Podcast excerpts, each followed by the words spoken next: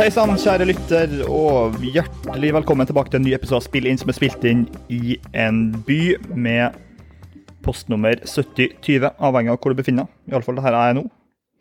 Mitt navn er Sindre Eliassen, og han jeg har med meg i dag, heter Kjartan Ulstad. Uten Charty blir det ingen party. Hei sann, og velkommen tilbake, Kjartan. Hei, Sindre. Takk for det. Det er gledelig å være tilbake som alltid, og klar for eh, nye tak, med endelig litt eh, klubbfotball igjen også. Det gleder vi oss til. Du, Carl får litt nye tak. Carl Robinson. Sa jeg Carl? Jeg håper det. Nei, jeg sa klar. Jeg gjorde det. Jeg beklager, jeg må forresten si at velkommen da til min Carl Robinson, Kjartan Ulstad. Det er jo deg. Så. Mm. Men du, mitt nøkkelord for podkasten her, Kjartan, er kanselleringskultur. Vi kan komme litt tilbake til hva jeg mener med det etterpå. Ok. Først og fremst vil jeg at du skal hjelpe meg litt med din ekspertise på det her med drømmetolkning. Kanskje plukke opp litt sånne symboler, signaler, arketyper i, i menneskets drømmer. Kan du være eh, behjelpelig på den fronten akkurat nå? Jeg kan jo prøve, men eh, du vet jo at det ikke er kanskje min eh, beste egenskap. Det er jo du som er besatt av drømmene dine, og at jeg prøver å gi deg hint om hva som skal skje, og alt mulig. Eller hva du tenker på. Det er vel mer det du Det du vil ha fra meg. Men jeg kan prøve. Bare kom med, med drømmene dine. Altså, jeg mener jo at drømmer er et uttrykk for uh, underbevisst eh, enten ja, underbevisst fortvilelse kan være emosjoner og signaler. Det er ofte drømmene dine gir deg pekepinn på hvordan du bør handle, annerledes enn det du kanskje har gjort. Vet du, Så angående drøm, der må jeg faktisk si noe i natt, fordi i natt så drømte jeg om en uh, veldig, veldig kjekk ginger som heter Svein Målen.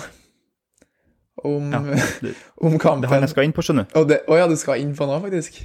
Der ser du vi to. Det er noe synkronistisk eh, som foregår her. Begge to drømmer om Svein Målen. Ja, du gjorde det, du òg? Hva var det du drømte om han, da, først og fremst? Eh, nei, jeg drømte om at uh, Rosenborg hadde noe sånn 30-40 skudd eller noe i første kampen. Og jeg tenkte, uh, jeg tenkte at jeg var irritert etterpå fordi Unibet ikke hadde noe, noe skudd på norsk fotball. Det er faktisk Det har, de, det har de faktisk i Sverige. Og de har det? På Unibet så finner du skuddspill på mål og over under i kampen. Iallfall enkeltspillere på, på allsvenskene.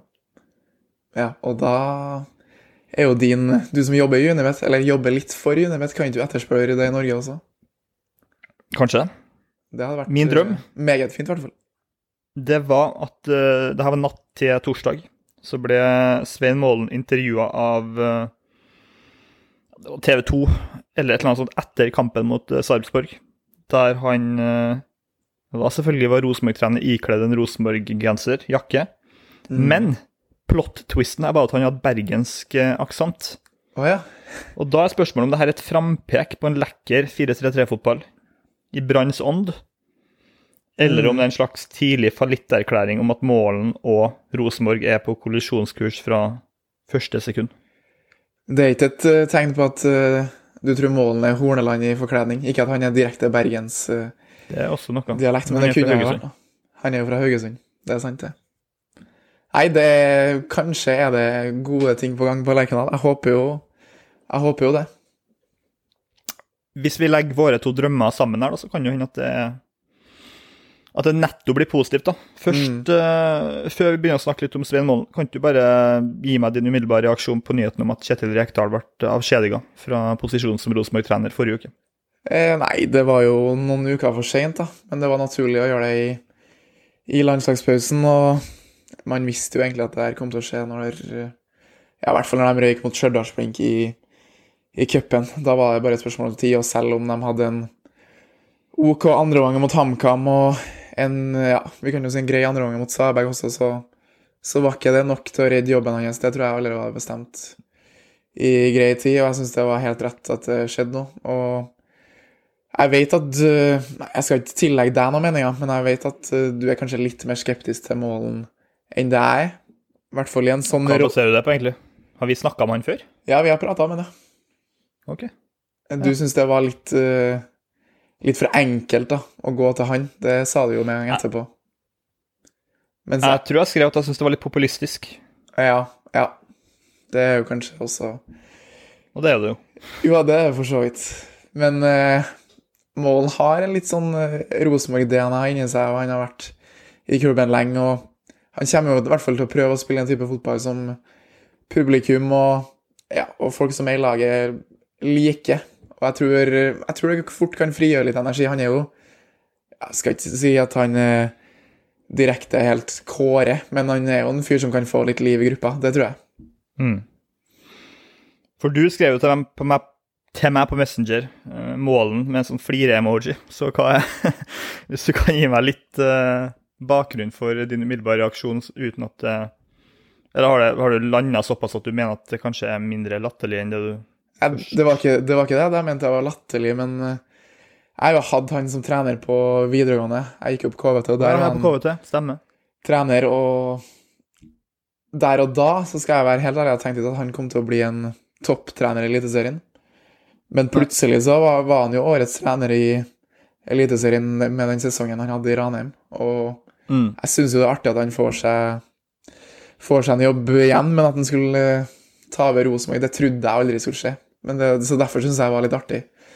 Men jeg har jo sett litt, prøvd å lese litt, og han, det virker som at han har lært litt av den raneperioden og, og brukt jaget godt. Jeg syns mye, mye, av det han sier, både når han tar over og det han sier på øktene, sånn, det virker fornuftig. Så jeg har mm, egentlig litt, uh, litt trua på han, ja. Jeg tror han og Henriksen i tospanns kan være i hvert fall eh, en gjeng som får litt humør i guttene.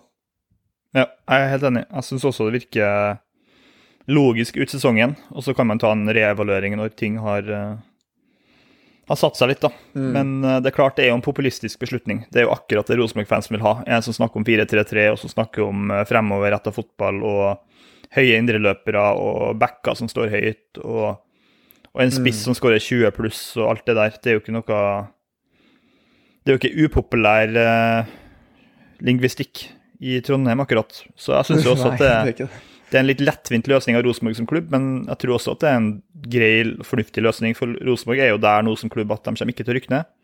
De kommer heller ikke til å klare topp tre, sannsynligvis. Sannsynligvis ikke. Men fjerdeplassen er vel mer up for grabs, da, og den kan jo bli viktig.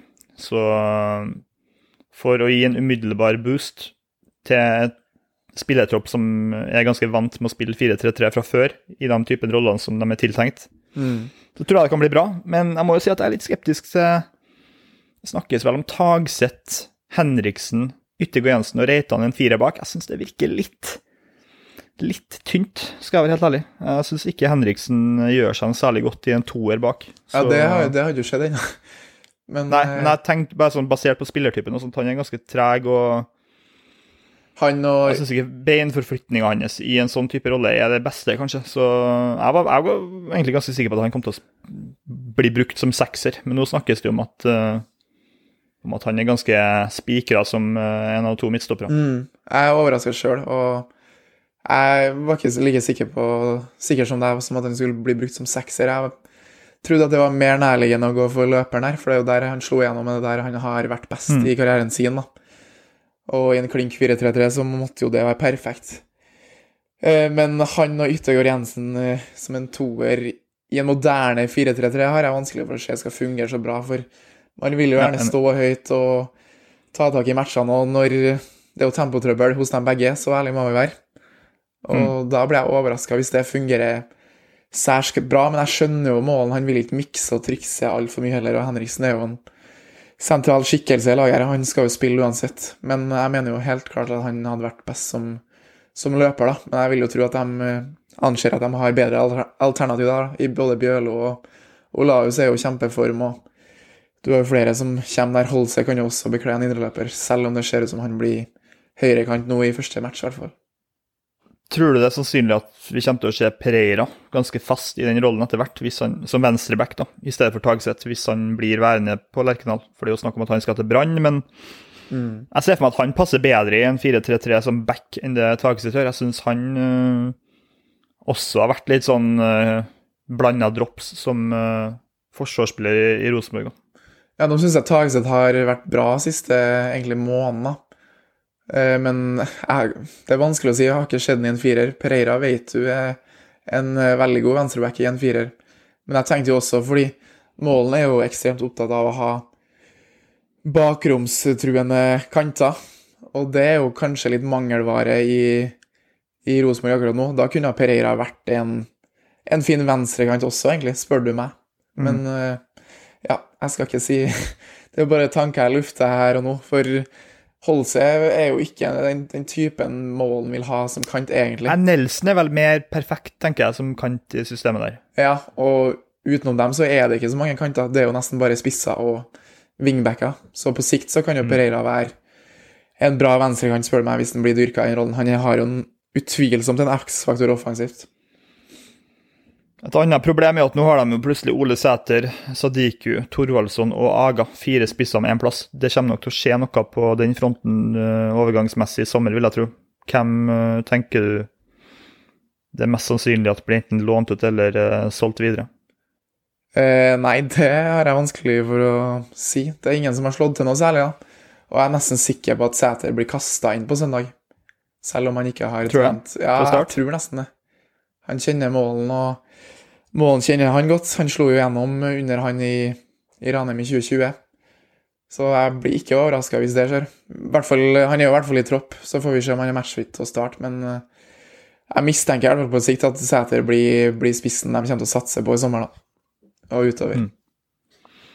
Jeg skal ikke henge ut enkeltspillere, men jobben vår er jo egentlig å bare være ærlig og komme med en uh en betraktning basert på det vi faktisk ser. og Jeg syns jo eh, Oskar Agassi jeg synes han ser litt for tynn ut for å spille spiss i Rosenborg. skal jeg være helt ærlig. Jeg synes Han er, han ble jo sammenligna med at han hadde litt samme kvaliteter som Tengstedt, men uh, greit. det Vi har jo snakka om det, her, det er veldig stygt av meg å dra inn deg i det her nå, men vi har jo snakka om at du kanskje har litt sånn uh, ja, Hvis man begynner å trekke paralleller med deg og Casemiro, ja, det er kanskje noen likhetstrekk, men, eh, men altså, det er jo fortsatt en nivåforskjell mellom de to. Og det er litt Oskar Aga, Tengstedt, ja, kanskje de har to eller tre ting til felles, men, mm. men jeg syns ikke han ser ut som en spiller som er eller kan bli god nok for å spille spiss i Rosenborg. og det... Han er ung, da. Jeg, jeg tror, ja, ja, det er greit, men jeg tror heller eh, Torvaldsson har litt mer av ingrediensene. Sadiku også er jo en spiller som det var knytta forventninger til.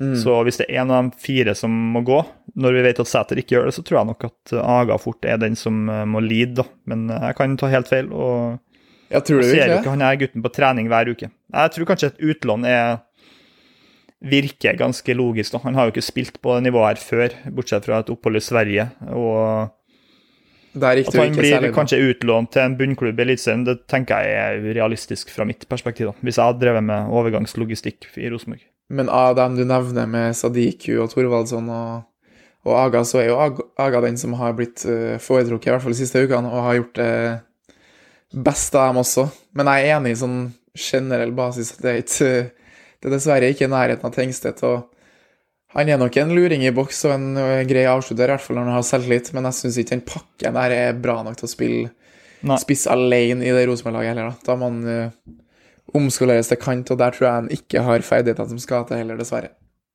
Mm. Bra. Vi kan uh, gå i gang med våre spill. Jeg har egentlig noe på lærdom, men den hopper vi glatt over hvis ikke du har noe spesielt å tilføre der. Du hadde jo to, et par-tre spill forrige uke. Du var jo riktignok på ball i over i Norge-Skottland, men den Jeg sa jo til deg at det, til pausen her skrev jeg at det må være den dårligste oddsvurderinga du har hatt i år. Mm. Og så Ironisk nok så går den inn. Jeg tror det var varmen eh, som gjorde at det ble så dødt der. Tror du ikke? Jeg hadde ikke ja, det... Eh, Nei, jeg skal, ikke, det, ja. jeg skal ikke snakke om det. det var, min lærdom kan vi si at vi Neste landslagspause så skal jeg holde meg unna alt av spill. Jeg syns det er steinvanskelig, og jeg Ja. Jeg klarer ikke å lese eh, kampene godt nok, og jeg ser lagene Ja, vi ser jo dem hver sjette måned, kanskje. Og det, med mindre det er noe som blinker seg ut og åpenbart, så står jeg over alt spill. Da kan jeg benytte anledningen til å si at jeg er veldig fornøyd med mine spill. Ja, du skal Særlig Nardo, da, minus tre mot eh, Steinkjer. Det var jo 8-0 til slutt, tror jeg. Og eh, Kroatia-Spania, der meldte jeg vel i innlegget på Unibet-bloggen at jeg tenkte det her var en perfekt kamp for Kroatia, og at de har erfaringer. Spania mangler de her klare spisspunktene i form av uh, kvalitet i forhold til de hadde før. Da. De har fortsatt ikke erstatta Iniesta, Savi, David Villa til og med, mm. Puyol, Piquet, Busquets. Det er jo masse spillere som de ikke har klart å egentlig... Busquets har de erstatta. Ja, Ja, jeg si. Gavi tenker du på, da? eller? Nei, Rodri. Eller Rodri, ja. Selvfølgelig. ja.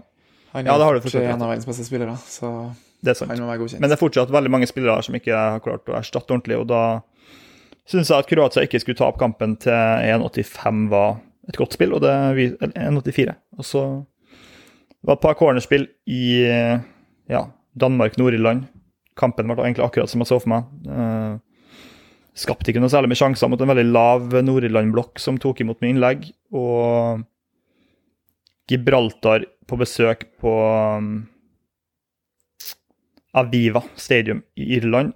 Det ble litt som jeg så for meg. og Der må jeg si at det er sjokkerende å si at Irland ikke skapte en sjanse før eh, det var spilt nesten 50 minutter, og målet deres kom på et frispark. Så de har nok ting å jobbe med der. Men bomma riktignok litt på Norge, eh, cornerspillet. Men eh, igjen, der var jo argumentasjonen at Norge kom til å slite litt. Det var jo det, og det gjorde de jo. Skottland. Det gjorde de jo til en viss grad, selv om Solbakken mente at de kunne åpna Skottland uten å anstrenge seg nevneverdig. Mm. Hva er ditt første spill til kollektivet, Kjartan? La oss starte i norsk fotball, selvfølgelig. Mm. Eliteserien. Ja, vi har ikke så mye annet å, å spille på nå for tida, så vi kan holde oss til norsk ball, jeg er enig. Og det spillet jeg har lyst til å ta, det er Vi kan gå til kampen mellom Strømsgodset og Bodø-Glimt først. Å ja. Jeg tipper at du skal på Bodø-Glimt-sida. Ja, det skal vi. Og jeg syns Bodø-Glimt minus 1 Nation til 1,86 er greit her, fordi det toget der ruller bare videre, og det blir for dumt å ikke henge seg på, spør du meg. Vi vet at Isnes og Godset er i stand til å gjøre det litt vanskelig for laget med den 3-4-3-varianten de spiller, men her møter de Norges desidert beste lag, og det blir noe annet. Jeg tror Godset kommer til å være kompakt og ligge lavt, men Bodø-Glimt er vant til det her, og blir bare bedre og bedre til å bryte ned lag som ligger lavt også. De har så mange typer nå, og så mange strenger å spille på. Det er spillere i form, både Faris og Pellegrino og hele gjengen der, at det er Grønbæk òg. Ja, det blir vanskelig å, vanskelig å se for seg at Godset skal klare å holde unna det der. Og de er jo et nedre halvdel av Godset, og ut fra dem, det som de har visst så langt i år, er det fullt fortjent. Og det syns jeg vi har litt verdi på Glimt minus én Asian, når de er så mye bedre enn resten av lagene i Eliteserien. Mm. Det er hos eh, Unibet, og de er faktisk akkurat nå markedsledende på det spillet. Jeg ser uh, Bet365 ligger på 1,75. Pinnacle 1,80. William Hill 1,84. Unibet på 1,86, da. Bare å ta rygg på den. Hvor mange units vil du ha der, eh, Kjartan Ulstad? Kjartan Ulstad han vil ha tre units på den. Jeg har to spill til Eliteserien. Kan du ha noe mer? Eh, nei, jeg har egentlig bare en liten tanke, og hvis jeg skulle ha tatt nå i første målkampen på Lerkendal på søndag, Rosenborg mot Sarpsborg, så ville jeg gått over på mål her, altså. Selv om Mm, er odd, oddsen tilsier, tilsier Eller markedet er jo med på det, eh, dessverre. Selv om Rosenborg har vært eh, ganske sånn eh, tafatt offensivt og vært greit stram defensivt, så det blir annerledes her. Nå er det helt eh, ny formasjon, og det kommer til å frigjøre litt spilleglede, og det kommer til å være sultne gutter som går ut på Lerkendal. Og så møter de et lag som er bedre offensivt enn defensivt. Så jeg så jo på at det var rundt 1,65 på over 2,5, og det, det er ikke nok til at det blir spillbart. Men f.eks. over 2,5 og begge lag skårer til 1,86 er jo litt mer Litt mer eh, i min gate, men samtidig så Jeg vet ikke om det er nok til at jeg har lyst til å ta det likevel. Det er bare Kunne vi kanskje gått på over 3 Asian, da? Det kunne ha vært noe, Ja. altså. Viktig å huske er at hvis du mener at det ikke er verdi på over 2,5, så blir det til verdi at man plutselig legger til en ekstra faktor. Det, Nei, det- må man jo understreke. Godt poeng. Men jeg syns, jo at det er litt verdi på over tre asiatiske mål her, da. For Mm. uh, faren min skal reise nordover nå med mor på ferie i tre uker.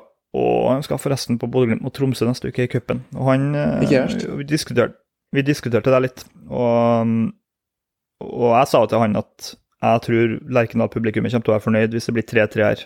Bare for at de ser et lag som har riktig intensjon Mm. og motivasjon. Og han mente jo at de til og med trodde de kunne akseptere tap hvis de viste at de var offensive og skapte sjanser og var positive. da. Så Absolutt. jeg tror nok vi kan få litt av det. Så 2,06 Jeg er på over tre, da? Ikke ja, Jeg synes det kan vi egentlig ta. Syns ikke den er avgæren, nei. Tre units på den. Tre units på den hos Unibet, men mitt spill i kampen er jo eh, selvforklarende. Rosenborg over 5,5 cornerer til to blank. Ja, Da vil jeg ha fire units. Oi, oi, nå- gleder jeg deg. Kommer et 4-3-3. Nå kommer de til å spille 4-3-3. Det blir noe annet. Her har egentlig Unibet kun, og markedet ellers egentlig kun tatt høyde for at uh, Rosenborg sine cornertall frem til nå. Men det her blir et annet system. De kommer til å doble mye på kant. Det kommer til å komme mye skudd, som din profetiske drøm eh, indikerer. Mm. Og da skal det bli mer cornerer enn før, og at du får en 50 sannsynlighet på at de skal ha seks eller mer, det syns jeg er godt betalt. Fire units på den. Har du sett noe på cornertallene til Ranheim under målen, som kan underbygge det du har her nå? Ja, de var et fint cornerlag i Eliteserien. De var det. Og det var kamper de ikke Det var et lag som var underdogs i de fleste kampene de spilte også. Likevel så hadde de eh, en del cornerer. Nå skal han styre et lag som i hvert fall på papiret skal, skal være øvre halvdel. Så Mm. her skal vi ta oss eh, godt betalt, tror jeg, Eliassen, etter hvert. Jeg håper det. Ja, jeg har fått meg en eh, forespørsel med å bli med en kompis på kampen gratis også, som en ekstra billett, så det blir vel fort takka ja til det. Det må du. Håper det blir en artig kamp med mye mål og mange cornerer, særlig Rosenborg sin vei. Jeg har ett spill til Eliteserien. Fem units på den charteren. Oi, oi, oi, såpass, ja. Hvor tror du vi skal geografisk? Skal vi prøve oss på det? Eh, Litt nei, jeg geografisk tipper- eh, Jeg tipper Rogaland, ja. Ja, det er feil. Jeg var litt frista av å gå på mål der også, pga. nyheten om at Gianni Stensnes er ute eh, for resten av sesongen. og Da blir Mm. Viking plutselig mer eh, sårbar. Men, eh, men der er linja 3,5, og da syns jeg det er greit å styre unna. HamKam mot Odd. OK. Husker du hva jeg sa at nøkkelordet til episoden var før vi begynte å spille inn? Eller før vi begynte å gå i gang med agendaen? Eh, nei, jeg husker ikke. Nei, det er dårlig. Det var kanselleringskultur. ja, det var. Stemmer.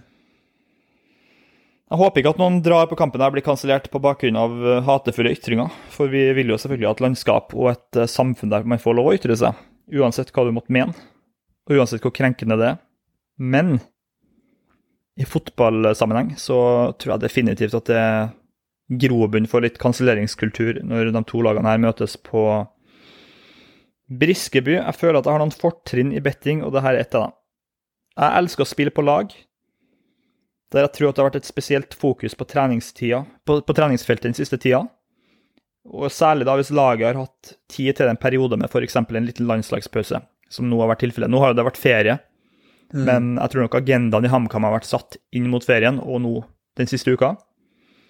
De har sluppet inn eh, 2,6 mål i snitt, og på hjemmebane har de kanskje vært litt mer åpne enn man hadde forventa, men kun seks baklengsmål på fem hjemmekamper, og der fire av dem har kommet i samme kamp mot Molde, der de rakna etter et, eh, et rødt kort, om det var på ja, Var det Skjølst... Nei, det var ikke han. De leda vel De lå vel ganske mye før de fikk rødt, altså. Ja, de lå under to, tror jeg. Ja. Så tror jeg jeg kom to mål imot etter det. Mm. Eh, Imidlertid så ser jeg tendenser i HamKam nå til at de er nødt til å gjøre noe grep for å unngå at det her skal bli skikkelig stygt, og kanskje finne litt tilbake til fjorårets eh, resept. De har jo prøvd å være litt mer ekspansive enn de var i fjor med å utvikle spillet sitt, og det må man jo bare berømme. Men eh, når tabellposisjonen blir prekær og de begynner å bli utsatt, så tror jeg at de skal tilbake til grunnleggende HamKam-fotball, og det betyr eh, lav risiko og kansellering, speiling, at de nuller hverandre ut. For Odd er også et lag som spiller med tre bak, fem bak. Mm. Så i min bok blir det her en kamp med to lag som speiler hverandre, og risikovilligheten er lav. Hvis du hadde kalt eh, HamKam for Shrewsbury og Odd for Cambridge United, så tror jeg 1,70 hadde vært eh, riktig odds på under 2,5 mål. 1,91 det syns jeg er mange hakk for høyt, og her er Unibet nok en gang markedsledende. Jeg syns det her er et eh, spill man bare må ta. Meget bra. Du vet at jeg er ikke vond å be eh, på underspill på Briskeby heller. Du vet at det var vanskelig å spille fotball her, og ja, Odd har ikke vært eh, den samme versjonen av seg sjøl, eller som de var i fjor, da, der de slapp inn mye og skåra mye. Det har ikke eh, slått til ennå. Og Midtskogen skåra vel sitt første mål nå forrige, eller forrige match, da. Og Ja. det er jo Stemmer. Han har spilt som nummer ni i hver match, da, så det sier jo litt hvor, hvor, ja, hvor lite de skaper, hvor lite sjanser de Eller hvor lite mål de har skåra. Så vi kan godt uh, ta det spillet her. Jeg synes det er kjempe... Eller vi kan godt ta det. Jeg syns det er et enormt bra spill. Mm. Et annet poeng er at Midtskogen Man trenger ikke å være noe verken fotballgeni eller rakettforsker eller hjernekirurg for å se hva hans styrker er. Kjartan, kan du bare gi meg tre kjappe styrker hos Ole Erik Midtskogen?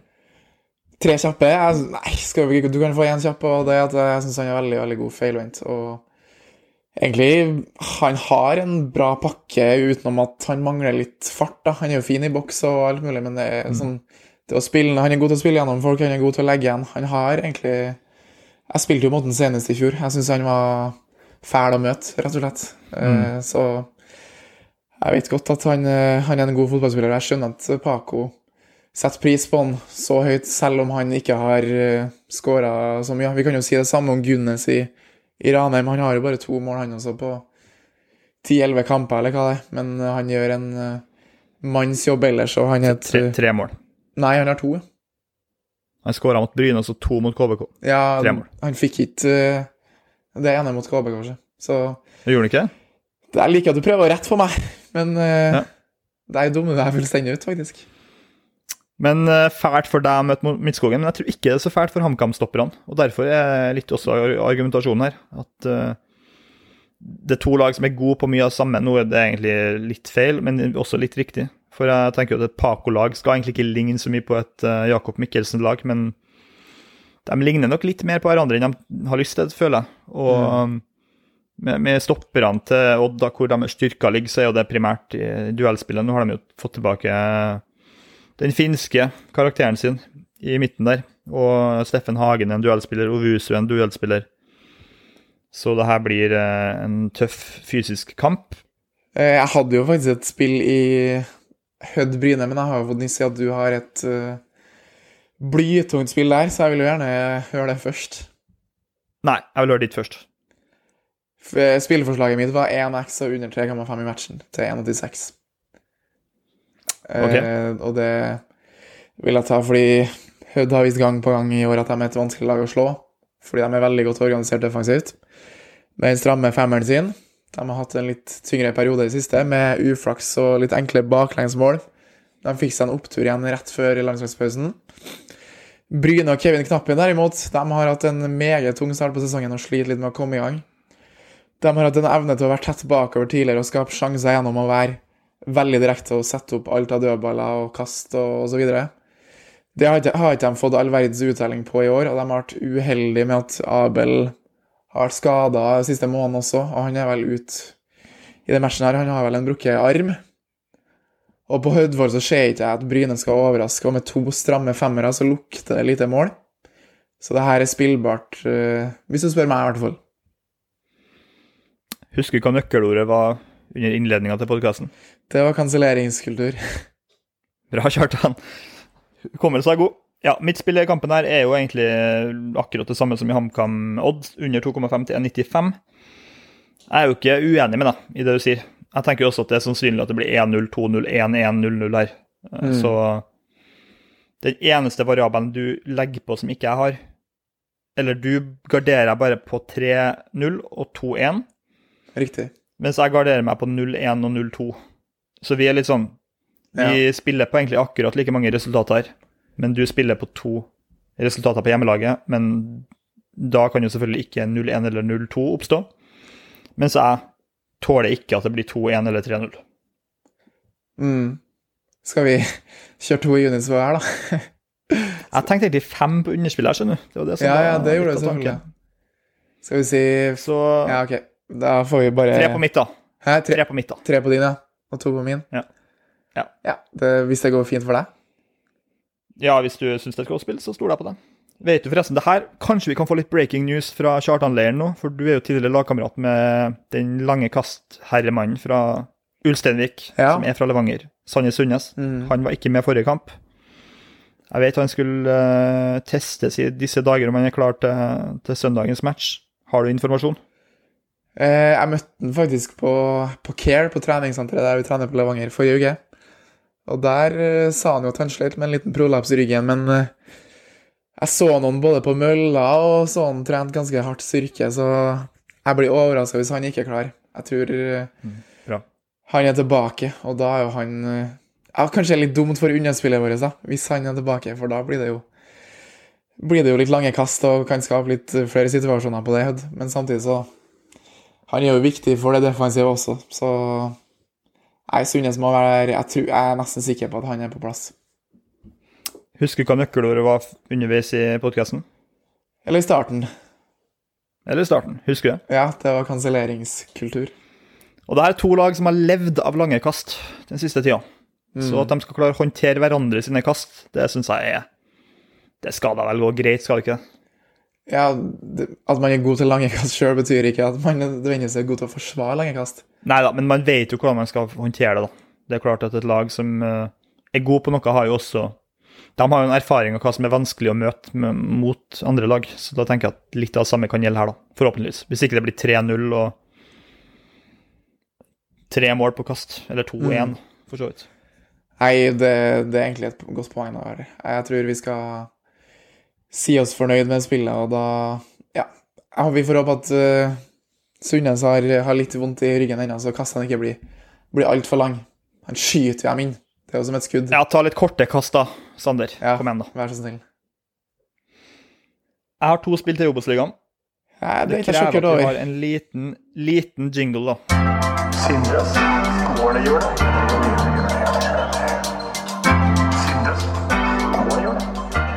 Eh, ja, jeg ble jo overraska over at du ble sendt rett i, i cornerhjørnet, for jeg har jo en liten forventning om, om det ene spillet ditt, og det er jo et målskårerspill, men du har, eh, du har et cornerspill først, vil jeg tro. Ja, det er kampen mellom Ranheim og Mjøndalen, der vi vet at eh, Sebastian Tonekti har kommet inn i Ranheim og vært god på trening. Mm. Det er vel nærliggende å tenke at han kommer til å spille kant. Kanskje fra start, til og med. Jeg tipper jo at det blir han og Bendik By på hver sin eh, flanke. Og Ranheim kommer til å spille på samme måte uansett. Det blir direkte fotball og angrepsfotball i bredden. De ønsker jo å fòre Arne Gunnes i boks, eller Ruben Alte som kommer fra dypet. Eller Mats Regg som kommer fra dypet. Så at det skal bli mange hjørnespark på hjemmesida, det syns jeg er veldig sannsynlig. Her har jeg lyst til å ta Rane minus 1,5 cornerhandikap til 1,98. Ja. Og vil ha fire unis på den, for jeg syns den linja var litt lav på et eh, sterkt hjemmelag som møter et Mjøndalen-lag som ikke ser all verden ut. Hvem er det som kommer til å spille på høyresida av Tonekto og Bendik Bye i så fall, da? Jeg tipper jo fort at det kan bli ja, vanskelig å si, men Bendik By har spilt litt både på høyre og venstre før, og Tonekti er jo klart best når han kan bruke eh, innoverferdighetene sine Mm. fra venstre. Så jeg, jeg tipper Tonekti venstre og Bendik By på høyre, og da da får du en Bendik By som er god på å slå harde, lave innlegg, da. Ja, Og det ja kan bety litt corner, da. Hvor er Bendik By på cornerskalaen? Han er vel litt Skal ikke si Han er ikke så gæren. Ja, Han er kanskje ikke det? Han er en treer kanskje på denne cornerspillervennlighetsskalaen min. Ja, Ja, så han fra én til fem, så er han på, på tre. Ja. Tonekti er kanskje opp på en fire. Han, Ja, men som eh, venstre har jeg før sagt at han lukter nesten femmer, syns jeg faktisk. Ja, ok. Men han vil jo inn, da. Men Ja, men han er også også ikke fremmed for å gå ned. Det er akkurat det. Da har Og da kommer det gjerne en overlapp, da. Hvis uh, Mjøndalen-forsvaret tar ekstra hensyn til han inn i banen, så vil jo kanskje åpne seg et rom for Erik Tønne eksempel, til å komme Mm. ned på og, rundt han da, og få banka legg i boks. Og han har en såpass vass fot at uh, som forsvarer så må man være, være påpasselig. Og da blir det av at det, det enkleste er å gi den til corner. Så jeg, jeg skjønner hvor du vil med den. Mm. Fint. Mitt andre cornerspill i Obos-ligaen er i kampen Kan du bare gjette da, hvilken kamp er over 10,5 i? Eh, ja, skal vi se, da. Sogndal Fredrikstad, Dårlig kanskje? radio Dårlig radioinnhold at Kjartan leter etter uh, Unibet-oversikten. Nei, jeg har oversikta, men det var liksom ingen som, som pekte seg ut. Jeg, jeg sier Sogndal Fredrikstad. Ja, det er feil. Da sier jeg Koffa Sandnesulf. Helt riktig. Med 55 hjørnespark på, på fire kamper mellom de her to siste to årene. Er Der eh, minimum har endt med ti. Så vet vi jo litt hva Koffa står for. Jeg hørte jo en podkast med Johannes Mosgaard her forleden, og han snakker om at de skal være aggressive. Gjenvinningsspillet kanskje førsteprioritet i spillet deres. Og med en type som Keke, Og Petter Nåstad Dahl, hvis han også spiller, så blir det mye trusselbrett i banen. Og Ulf er også et direkte angrepsvillig fotballag som slipper til mye, så jeg var litt frista av å gå på mål der, men jeg syns ikke den var spillbar nok. da. Så over 10,5 hjørnespark her til 1,94. Den vil jeg også ha fire units på. Meget bra. Ikke noe mer cornersnacks til folk ennå? Nei, men jeg har to andre spill i Obos-ligaen. Ja, jeg regner jo Ruben Altete til å score. Ja, til 6,50. okay. Må, vi må fortsette å ta den. Ja, vi må vel det. Det Jeg tror de kan skåre litt. De møter jo et av de dårligste defensive lagene i Obos også. De gjør det, men problemet Eller, jeg tror Ranheim har hatt godt av den pausen her, da, for det har vært et tøft kampprogram for de fleste lagene i Obos, og det er flere spillere her som har sett uh, sliten ut, og Ranheim de siste to-tre matchene har vært, uh, ja, skal vi si, skrekkelig dårlig. Så det var Den kom vel uh, eh, veldig, veldig fint for dem, så jeg forventer en bedre utgave av Ranheim nå, og Ruben Alte har nok hvilt seg i form. Så jeg tipper at eh, Jeg tipper at den er fin, jeg. Hjemme mot Mjøndalen. Bra. Skal jeg ha mulighet til. Mitt, an ja, mitt andre spill da i Obos-ligaen, som ikke er cornera, er i kampen mellom Sogndal og Fredrikstad. Og Der er jeg selvfølgelig frista av å ta under 2,5, men jeg velger heller å ta Sogndal under 1,5 til 1,60. Det er litt sånn rekordlav odds for meg, men Ja. eh, de er ganske store favoritter mot FFK, og det syns jeg vel er ganske feil. Så 1,60 på at Sogndal ikke skal skåre to mål eller mer mot uh, ligaens desidert beste defensive lag, det syns jeg er et, eh, et veldig bra spill. Det skal ikke du se bort ifra. Det kan være et fint spill, det. Jeg har ikke noe mye mening. Jeg vet jo at Fredrikstad de slipper jo så vidt inn mål, men det har vært litt mer siste matchene. Men eh, ja, den er sikkert, eh, sikkert ikke dum den. Fire units på den. Jeg kan si så mye Fire ja, såpass. eh, Fredrikstad har sluppet inn seks mål på tolv kamper. Mm. Borte tre på seks. Og de møter et Sogndal-lag som er god offensiv, men åtte mål på fem kamper er jo ja, to mot Start, ett mot Hødd, to mot Raufoss, to mot Bryne og ett mot uh, Ulf. Men her er motstanden tøffere. Så at uh, du skal få mer enn 1,55 Nei, mer enn 1,45 på det her syns jeg er litt for godt betalt til at jeg ikke vil ta den. Uh, OK. Til at du ikke vil ta den? Ja, selvfølgelig. Ja. ja, du skal ta den. Det er sånn det funker. Det er sånn det funker. Det er bra. Har du noen tanker ellers før vi hopper i gang med dine kjappe fem? Eh, nei, du har jo vært fløyd gjennom alle Obos-kampene så å si nå, så det, det er ikke så mange som er igjen. Det Du, forresten, vi kan ta, vi kan ta tre unis på det Fredrikstad-spillet mitt. Det var egentlig en siste liten vurdering av meg. Ja. Jeg satt, i, satt ut i stad på telefonen og sjekka litt. Så sånn du gjør researchen din? Ja, jeg syns det er liten research blir ofte sånn. Ja. Så det, da bør man lære av sine tidligere vurderinger og ta litt mindre innsats på det. da. Det hørtes meget fornuftig ut, det.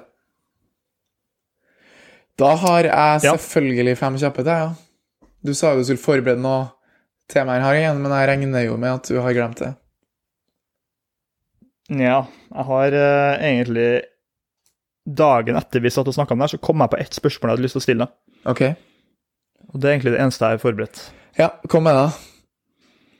Du snakka litt om Roberto Martinez i eh, forrige episode, da du Mm. tok et spill på Ronaldo. Ja. Og da er spørsmålet mitt til deg hvilke engelske klubber har han trent? Eh, Wigan, Yes. Everton Yes. Det, det er faktisk 100 riktig. eh, og det siste Det har jeg jo egentlig, vet du. Men jeg kommer ikke på krona si. Det som er litt dumt, er at jeg sa egentlig feil. For han har ikke trent Han har trent to engelske lag, men tre britiske. Ja, OK. For han hadde jo to år i Swansea. Ja, ja, ja, og derfor håpet jeg at du ikke skulle ta meg på det. da. Ja, Så jeg hadde 100 riktig, ja. Teknisk sett hadde du det. Ja, deilig. Jeg husker han godt, så jeg syns han var, virka som en sympatisk og fin fyr, men eh, som trener så har jeg jo funnet ut at han er kanskje litt, eh, litt kjedelig. da. Mm. Men Ja, fem kjappe til deg. Nummer én. Eh, hvilken spiller skuffa deg mest på det norske landslaget i helga? Um, ja Det er vel mulig å si Stefan Strandberg, men hva var forventningene til han, da? Ja, det er akkurat det. Du hadde jo ikke kjempehøye forventninger. Skal jeg si hva jeg gjorde da Norge skåra mot eh, Skottland? Eh, Ja, gjerne. For jeg hadde jo en avtale med Mats den kvelden, men jeg satt jo og fulgte kampen for å For å se om cornerspillet gikk inn. Og da Norge skåra, så klappa jeg en PC-en og dro til han. Hvorfor det? Kom, ja, for jeg hadde ikke noe lyst til å se noe mer. Oh, ja, sånn, ja. Da, Du tenkte at cornerspillet da kom jeg til han og hørte at Norge hadde tapt 2-1, og var Ja. egentlig ganske likegyldig til det. Ok. Det vet jeg provoserer noen å høre, men uh, Ja, det provoserer meg, blant annet. Men uh, jeg skjønner ikke hvorfor du, hvem har- du har behov for å si det. At du ikke bryr deg om Norge. Du er en forræder. Jeg bryr meg Landsforræder er du. Uh, Men du ville ikke svare har- Stefan Strandberg, da, så da svarer du de ti andre. Nei, jeg har egentlig ikke noe konkret svar her. Sørloth syns jeg ikke gjør seg godt som ving. Jeg vet at Mats Hansen på Twitter og skrev at han er den som får mest ufortjent tyn, men, men jeg syns ikke han er en kantspiller. Så Nei, men han er kan være litt, være litt kontrær å svare, han faktisk. Å, herregud, slakte Sørle. Vær med på Sørlandsslakten, du òg. Det er det dummeste jeg har hørt. Det er ikke slakt i det hele tatt. Jeg sier bare at jeg syns ikke han passer som ving, og da Og da er det jo på en måte strengt å si han, for det er jo ikke hans skyld at han spiller der. Nei, nettopp. Og han gjør Han har et bedre forslag. ja, Leo Østigård, for eksempel. Ja, det, du, det tanken slo meg ikke engang, men det, den stiller jeg meg bak, og, og svarer det samme, selvfølgelig. Greit. Nummer to. Hvem er den mest oppskrudde spilleren i Obos-ligaen, og hvorfor er det Andreas Hopmark? Nei, premisset for spørsmålet er jo helt feil. Nei.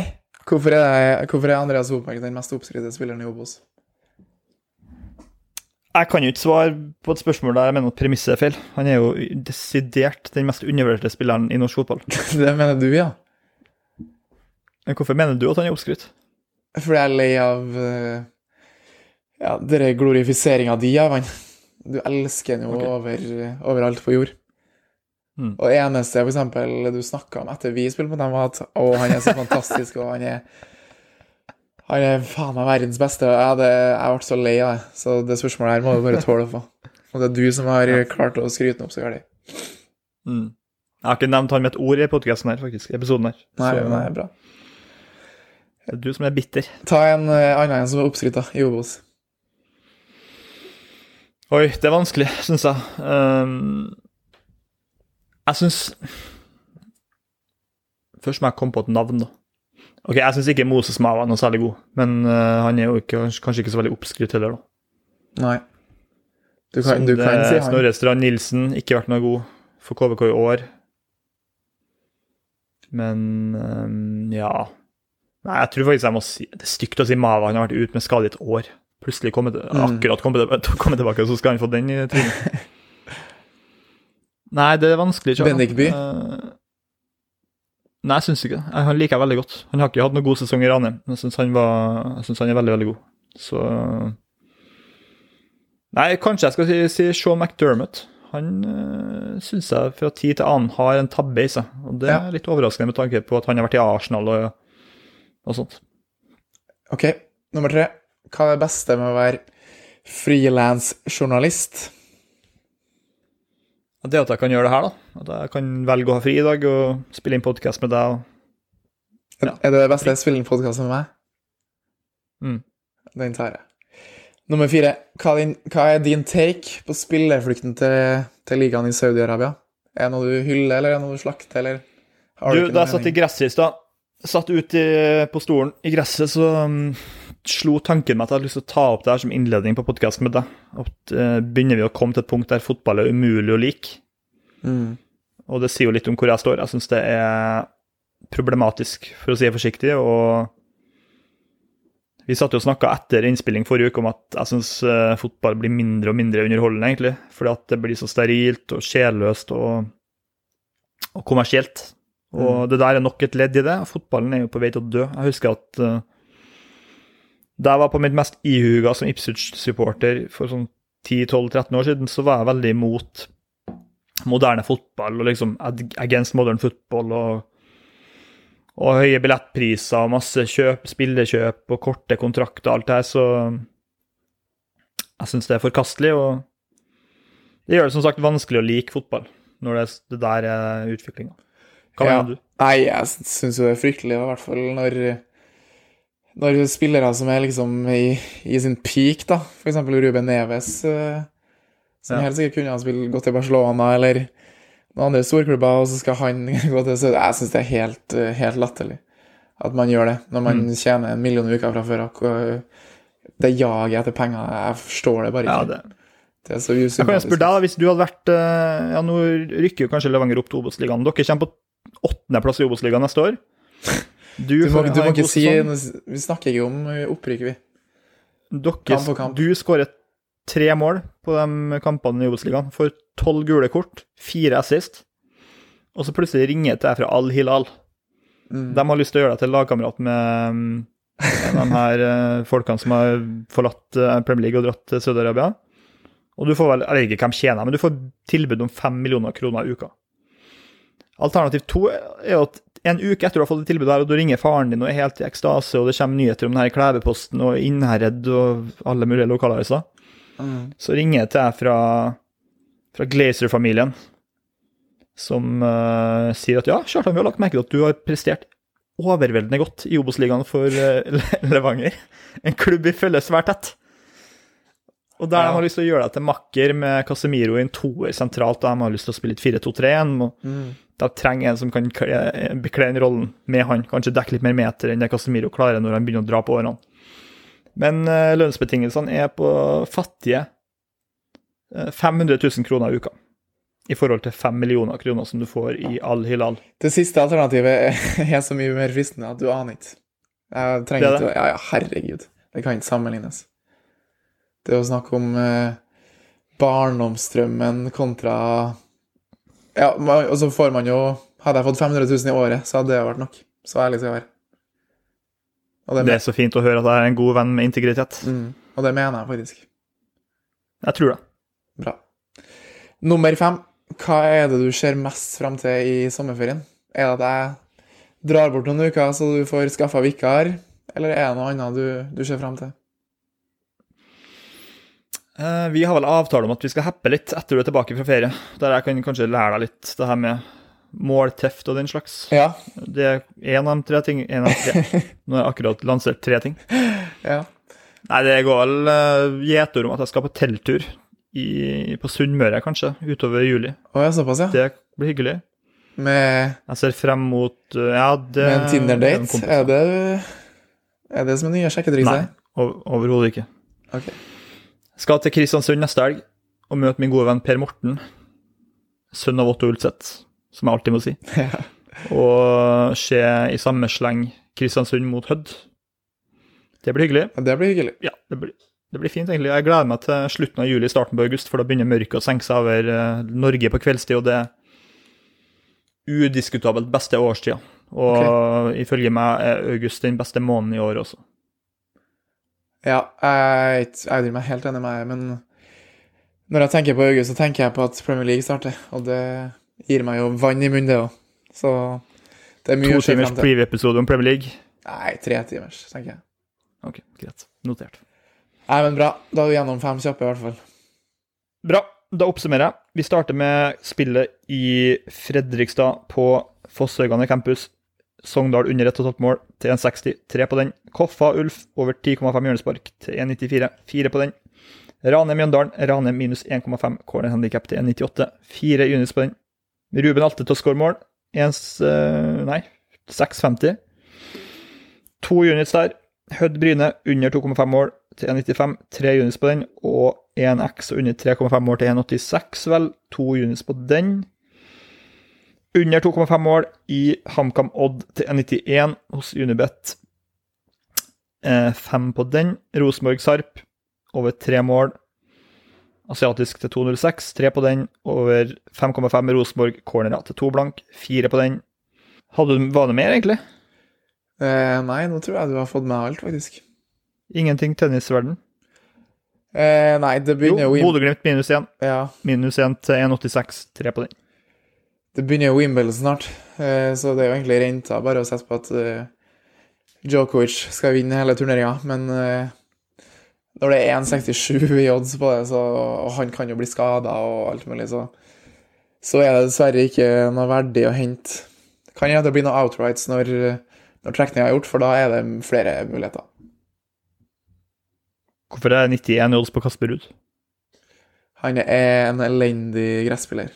Eller har i hvert fall vært det. Så får vi se om han, Ja. om han har tatt steg der. Bra. Du får ha god ferie, Kjartan. Er du tilbake her om to uker, eller eh, trenger du tre uker til før du kan bli med i podkasten igjen? Du er hjem tidlig fredag, det er vel 5. Blir 5. juli Nei, 7. juli, kanskje. Da er jeg Ja, da får vi til en episode. Ja. Så det, det blir bare et par uker. Bra. Alle lytterne, ha en riktig god helg. Kjartans siste ord er God sommer. Bye.